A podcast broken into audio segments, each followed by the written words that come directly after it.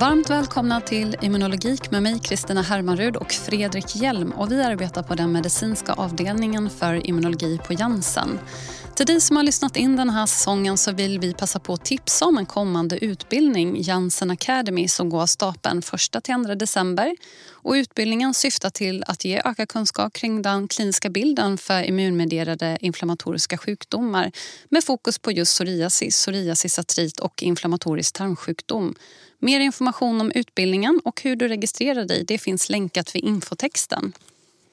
I detta avsnittet så ska vi sammanfatta säsong 1 och vi tillsammans med inbjudna experter har under denna säsongen haft fokus på immunmedierade inflammatoriska systemsjukdomar och utifrån säsongens avsnitt ska vi nu ta ett samlat grepp och utröna vad har vi lärt oss, vad tar vi med oss och vad vill vi gå vidare med.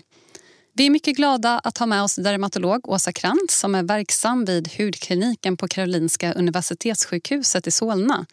Åsa har särskilt intresse för psoriasis men även inflammatorisk tarmsjukdom. Och Åsa bedriver nu forskning kring psoriasis med fokus på sjukdomsutveckling hos barn med psoriasis. Även real world evidence-studier för hur behandlingslandskapet ser ut i Region Stockholm. Och hon kommer även titta vidare på stigmatisering hos personer med psoriasis. Varmt välkommen Åsa. Tack så mycket. Vilken fin introduktion. Åsa, du har ju en väldigt intressant bakgrund med ett ben i dermatologi men även eh, kunskaper i gastroenterologi. Skulle du kunna berätta lite grann om det? Ja, redan på läkarlinjen i och med att jag gick hudkursen så blev jag väldigt intresserad av dermatologi och jag var helt övertygad om att jag skulle bli dermatolog. Men sen tar man examen och eh, då tar man det första vik man får. Och då hamnade jag faktiskt på eh, gastromottagningen, eller gastrokliniken på Karolinska. Och eh, jag blev nästan lite kär i den specialiteten. Så när jag hade då blivit legitimerad läkare då var jag övertygad om att jag skulle bli gastroenterolog och jag började min ST där.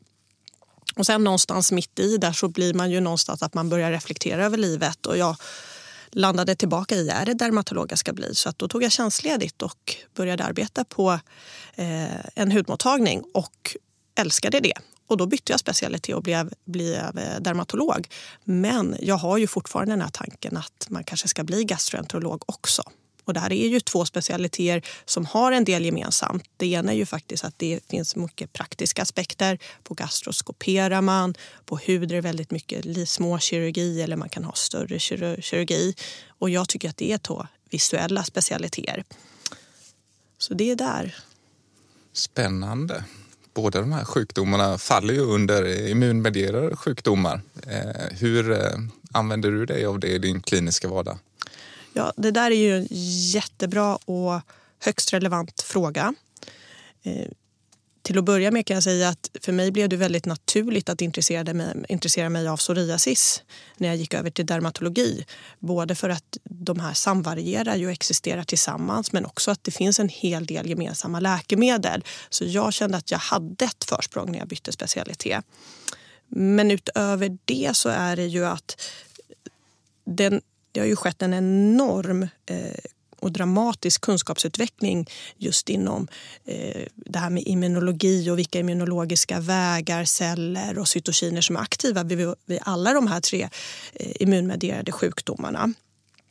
Och eh, det här har ju i sin tur lett till att vi har haft en jag skulle vilja säga explosionsartad läkemedelsutveckling där vi har fått allt mer målinriktade och eh, eh smalare läkemedel. Men då som vi har hört från tidigare under säsongen, både från Ola Winqvist men även när vi har hört om eh, Ennike Sonkolly, Olof Grip och Lars-Erik Kristensen så är det ju att det finns ju en hel del gemensamt immunologiskt med den här viktiga eh, IL-23 och TH17-axeln. Men att det finns viktiga skillnader immunologiskt med de här sjukdomarna. Och det blir ju väldigt viktigt att ha i åtanke och kunna använda sig av den här kunskapen när vi då har våra patienter som kanske har flera samexisterande sjukdomar. Så det är så som jag brukar eller försöker tänka och använda mig av det här när jag har då en patient. Och för mig blir det naturligt att det är en psoriasispatient. Det är att man måste diagnostisera och kartlägga vad är det den här patienten har för andra sjukdomar. Och då är det första jag tänker då det är att finns det en psoriasisartrit? Och finns det, är det då bara en perifer artrit eller är det en axial eh, komponent i det? Eh, och nästa steg finns det en IBD också. Och utifrån vad det är för något som patienten har så blir det då att man får rikta sin behandling eller vilket faller ju valet på vilken behandling man väljer det är ju då olika. Ja, nu när vi är inne på immunologi och eh, Ola Winqvist berörde det i ett av sina avsnitt just med att eh, man kan definiera patienten utifrån olika immunologiska eh, tillstånd. Och de kan ju vara både akuta men även kroniska. Och om man då skulle vilja gå in med snabb intervention, det vill säga att man går in i ett tidigt skede och blockera tidigt, att man då skulle kunna bryta det förloppet och därmed slippa komma in i det kroniska sjukdomstillståndet. Är detta någonting som diskuteras eh, på kliniken eller är det mer någonting som man diskuterar som immunolog? Jag skulle vilja säga att det diskuteras bland oss kollegor som har ett intresse. Jag skulle säga att det kanske inte är att det har nått fram till den eh, kliniska Eh, diskussioner i den kliniska vardagen. Men det finns ju en diskussion som pågår i att om vi skulle upptäcka och få en psoriatriker i så pass tidigt skede att det inte hunnit gå över i den här mer kroniska inflammationen kan vi faktiskt bota. Men då blir ju den stora knäckfrågan hur får vi patienten så tidigt? Så det, det existerar eh, den diskussionen. Men också då vad är det för läkemedel? Det kanske är andra läkemedel än de vi faktiskt har det Ola Winqvist var inne på, just att det är en liten annan typ av eh, cytokiner och eh, immunologiska vägar som är, är centrala i det här tidiga steget vid, vid en psoriasis. Men det andra vi har varit inne på det är ju faktiskt det här med som Lars-Erik Kristensen nämnde, det är ju faktiskt att kan vi faktiskt kan förhindra eller påverka sjukdomsutvecklingen av en psoriasisartrit. Det vet vi ju att psoriasis är ju det som i majoriteten av fallen en patient debuterar med. Det är ovanligt att man först har en psoriasisartrit och att det då finns studier nu, eh, retrospektiva visserligen, som då visar att går man in med biologisk behandling innan en psoriasisartrit har då manifesterat sig så finns det då tecken och en trend på att man kanske påverkar förloppet och minskar risken och utvecklar det. Men det behövs ju mer forskning så att det pågår en diskussion och den är nog att den kommer nog bara öka eller eh, ta sig högre och mer ton faktiskt. Att vara mer proaktivt och inte så reaktivt som vi traditionellt har varit. Jag tänker tillbaka lite grann till eh, Barbara Bohannans avsnitt där vi pratade mycket om patienten. Eh, och blir ju lite nyfiken på psoriasisartriten. Är det patienten som hittar den eller är det kliniken som hittar den? Det där är en jättebra fråga och det där varierar beroende på hur påläst patienten är. Precis som Barbara Bohanan var inne på. Det hon var hennes stora råd till patienter var påläst. Och tyvärr så är det så att många psoriasispatienter är inte pålästa. Eh, och jag tycker ju att har man psoriasismottagningen som dermatolog då ingår i en anamnes och vid varje besök det är att ha någon form av screening eller att man tar upp och undersöker eller försöker kartlägga finns det psoriasisartrit. Och min erfarenhet är att patienter kan ibland bli lite ställda. Att man börjar fråga massa frågor om leder och smärta i kroppen och undrar lite vad har det här med min, med, med min hud och psoriasis att göra? Så ofta så tycker jag att det är vi läkare, men det finns de pålästa patienter som kommer faktiskt och det blir man jätteglad över. Vi har ju inte besök allt för ofta utan det är oftast ganska glesa besök och som vi har varit inne på att ju tidigare man kommer in i ett förlopp, diagnostiserar en sjukdom och kommer in med behandling så förhoppningsvis har vi då en bättre prognos. Eh, och just vid psoriasisartrit som kan vara potentiellt eh, organdestruerande så det är viktigt att komma in i vissa fall väldigt tidigt med behandlingen. Och känner patienter till det här och kan, kan signalera till oss och ta upp frågan, då är ju det ännu bättre. Mm.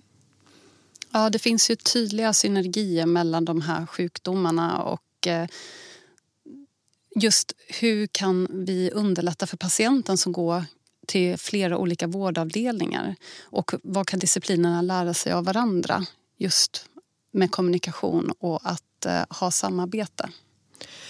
Det här är ju en jätteviktig och eh, viktig och stor fråga. Vi har ju faktiskt en hel del patienter som har åtminstone två sjukdomar, det vill säga psoriasis och psoriasisartrit. Men det finns de som har alla tre sjukdomarna också.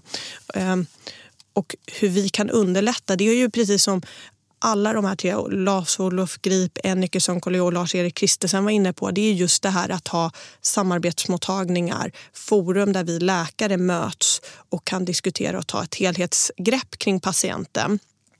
Och det är ju ganska väletablerat inför, inom hud och reuma. Där vi på min arbetsplats på Karolinska har vi samarbetsmottagningar där både en dermatolog och reumatolog träffar eh, psoriasispatienter som både har psoriasisartrit och psoriasis. Eh, och vi har även eh, ronder då vi diskuterar mer komplicerade patienter där patienten inte är med. Men det där det är inte lika väl etablerat och upparbetat med, med gastro. Och här blir det ju kan det ju bli väldigt jobbigt för patienten att har man tre kroniska sjukdomar, det kan bli väldigt mycket besök och ta väldigt mycket tid och energi för en patient och kan också kännas otillfredsställande att man många gånger att det blir de här ledtiderna som mina tidigare kollegor varit inne på att det är svårt att man som dermatolog fattar ett beslut eller hur man ska gå vidare i behandlingen utan man måste ta tillbaka det här och diskutera med kollegor. Så att där tror jag att vi måste försöka arbeta upp flera mötespunkter och platser där vi diskuterar kring patienten och också tar med alla våra tre specialiteters olika aspekter. För att gå tillbaka lite grann. Eh, jag funderar mycket över prevention. Det är ett ord som eh, dyker upp oftare och oftare istället för att bara titta på behandling av eh, sjukdomsaktivitet. Är det någonting ni använder er av eller någonting som ni tänker på i er kliniska vardag? Ja, det där är ju en väldigt relevant och viktig fråga. Och så som mina kollegor i tidigare avsnitt var inne på och vi redan har varit inne på lite i det här avsnittet, är att det går ju mer mot prevention och försöka ligga steget före. Det är en dialog som förs där. Och för mig med prevention vid de här tre sjukdomarna så finns det lite olika lager. Det ena är ju faktiskt det vi lite varit inne på. Det är prevention av kanske grundsjukdomen, det vill säga kan vi förhindra sjukdomsutveckling av inflammatorisk tarmsjukdom, psoriasis eller psoriasisartrit eller modifiera förloppet, det vill säga minska risken för en, en, en utvecklingen av en allvarlig sjukdom eller organdestruktion. Och den diskussionen och eh, de diskussionerna har ju pågått ganska länge. Redan när jag arbetade på gastro, just det här change the natural course of the disease med tidigt in i behandlingen. Det är ju fortfarande svårt att kunna förhindra att sjukdomen debuterar överhuvudtaget i och med att vi inte har kanske några bra biomarkörer än för det här. Och det är ju en väldigt stor helhetsbefolkning man ska screena även om det finns mycket ärftlighet i de här sjukdomarna. Så det, det är det ena just med själva grundsjukdomen. Men sen det som har blivit väldigt tagit en mycket större del i diskussionerna och eh, vid de här sjukdomarna det är ju faktiskt de associerade samsjukligheten, alltså komorbiditeten som är då eh, som är då metabola syndromet eh, och eh, dess följdsjukdomar kardiovaskulärt. Och där skulle jag vilja säga att prevention är det vi pratar jättemycket om och hur viktigt det är. Men att det är mycket kvar för oss att faktiskt implementera det på plats. Och den delen, där är det ju väldigt mycket livsstil som ingår. Eh, vi vet och har sett i många studier att psoriasispatienter och även psoriasisartritpatienter lever lite osundare av någon anledning än, en matchad befolkning med att det är vanligare med övervikt, hög alkoholkonsumtion, rökning med mera. Så det är det ena med prevention, rent livsstil. Och, och det är bland det svåraste som finns. Men det som också är väldigt intressant är som det också är en väldig eh, stora diskussioner och mycket studier görs på det är faktiskt om våra läkemedel med att dämpa inflammationen hos de här patienterna om det också kan förebygga utveckling av de här äh, samsjukligheterna. Och där finns det en hel del studier som med indirekt och direkt data pekar att ja, men det kanske är så, men det behövs ju mer studier på det här. Men det är ju jätteviktigt. För någon, och sen det tredje, prevention, det kanske är det här som är det kanske mest abstrakta. Och det är ju att som jag tycker har gått som en röd tråd genom hela den här säsongen med mina kollegor det är att det här är tre sjukdomar som inte bara drabbar tarm, leder eller hud utan det drabbar hela kroppen somatiskt. Många organ, då med den här samsjukligheten vi pratade om, metabola, men också psykosocialt. Eh, både med depression, ångest, eh, kroniska smärtor, trötthet men också jättemånga aspekter av sociala livet. Och där är det en väldigt fråga, kan vi då påverka det också preventivt? Att det inte ska behöva få en så negativ utveckling av en individs liv. Så det är också preventivt, men det är väl kanske det mest abstrakta och svåra. Men där pågår det mycket diskussion, i alla fall i det vetenskapliga samfundet inför psoriasis i alla fall och inom hud. Från ett eh, holistiskt perspektiv, hur viktigt är det att få med sig patienten på resan just när man pratar prevention? Jag skulle vilja säga att det är ju A och O. Förstår inte en person varför de ska göra något, då kommer man ju inte, då är det ju väldigt svårt att förändra eh, en livsstil eller ens fortsätta ta en medicin. Framförallt oss inom hud som har mycket lokalbehandlingar, det här med compliance. Och där har vi ett jättestort ansvar som, som läkare att informera, förklara, diskutera, orientera oss i vad behöver patienten veta mer eh, om sin sjukdom och varför saker är viktiga. Så det skulle jag vilja säga är, är A och O. Och att vi är ju här någonstans för att hjälpa patienten, inte och att de ska kunna göra förändringar och påverka sitt liv och vi ska vara ett stöd för det. Inte att de finns för oss och att vi ska sätta in behandlingar och kunna uppfylla massa behandlingsmål. Annat som lockar är ju det här med personcentrerad vård och eh, det i ljuset av prevention. Ligger inte de två ganska nära? Ja, absolut. Det är ju en väldigt viktig fråga och väldigt viktigt perspektiv och det tar ju större och större plats och vi pratar mer och mer om inom vården. Och jag tänker just på det avsnittet med Barbara Bohannon då hon, då hon belyste det här väldigt viktigt med en personcentrerad perspektiv. Att mer orientera sig och fråga patienten eh, och personen man har framför sig. Vad är viktigt för dig eh, och vad behöver du?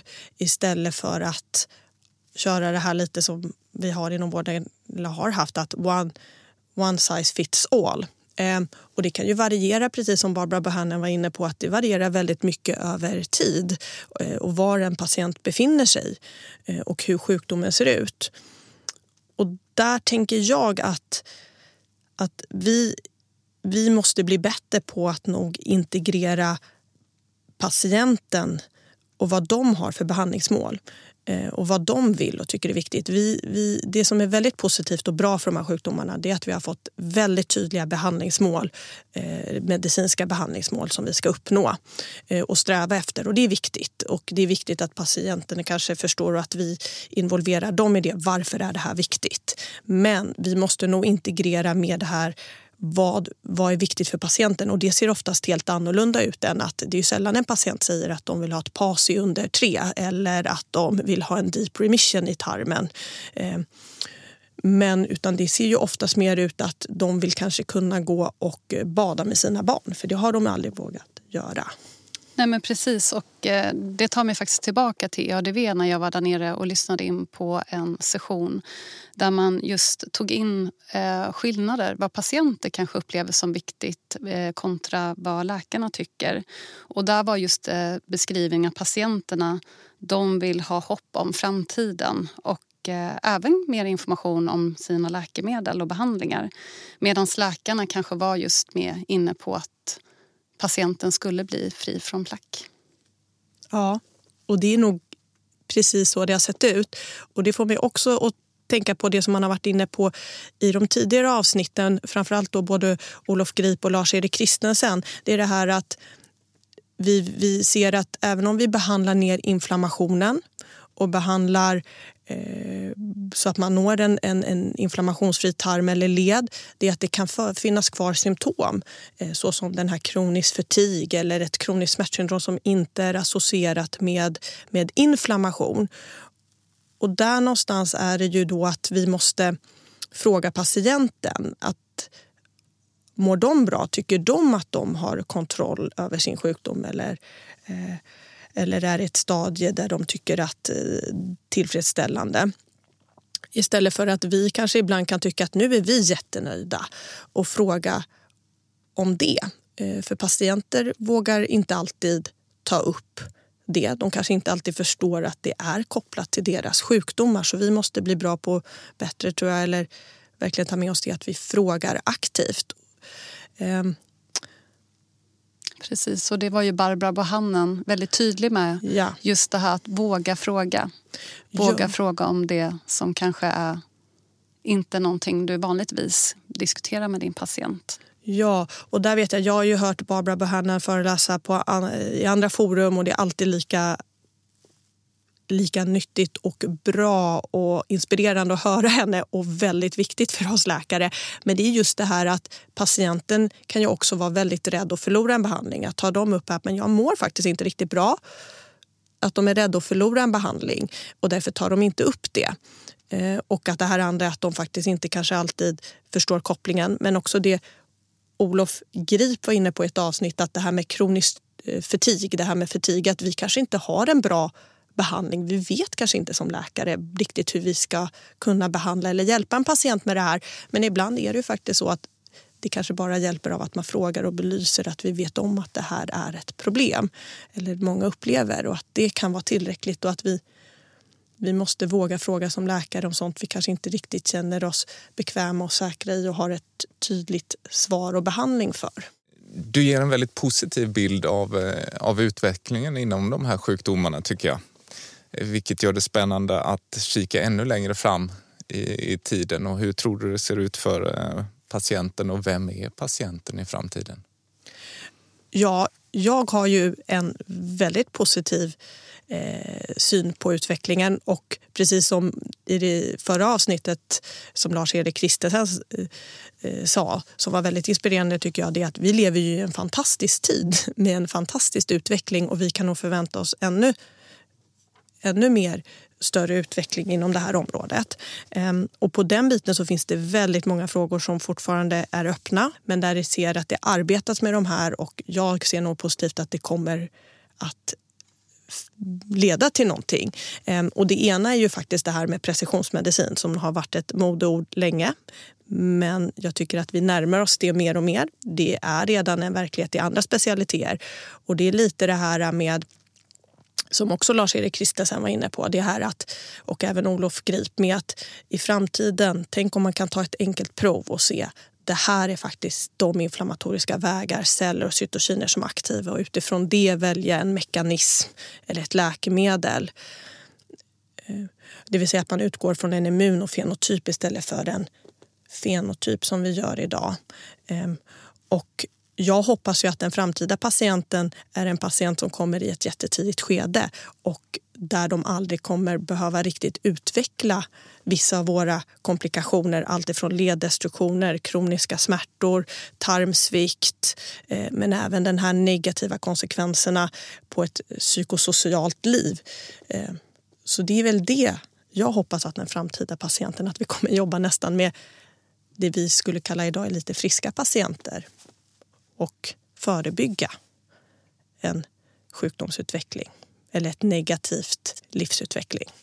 Stort tack Åsa för att du tog dig tid att sammanställa säsong 1 med oss idag och givetvis för din medverkan.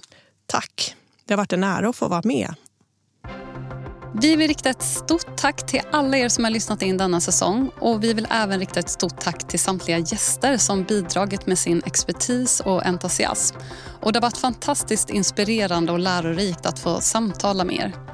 En kort utvärdering finns länkad vid infotexten och jag uppskattar om du som lyssnar kan ta en minut och anonymt svara på några korta frågor för att dela med dig om hur du har upplevt denna säsongen. Din åsikt är värdefull för oss. Tack så mycket för att ni har lyssnat in och på återhörande.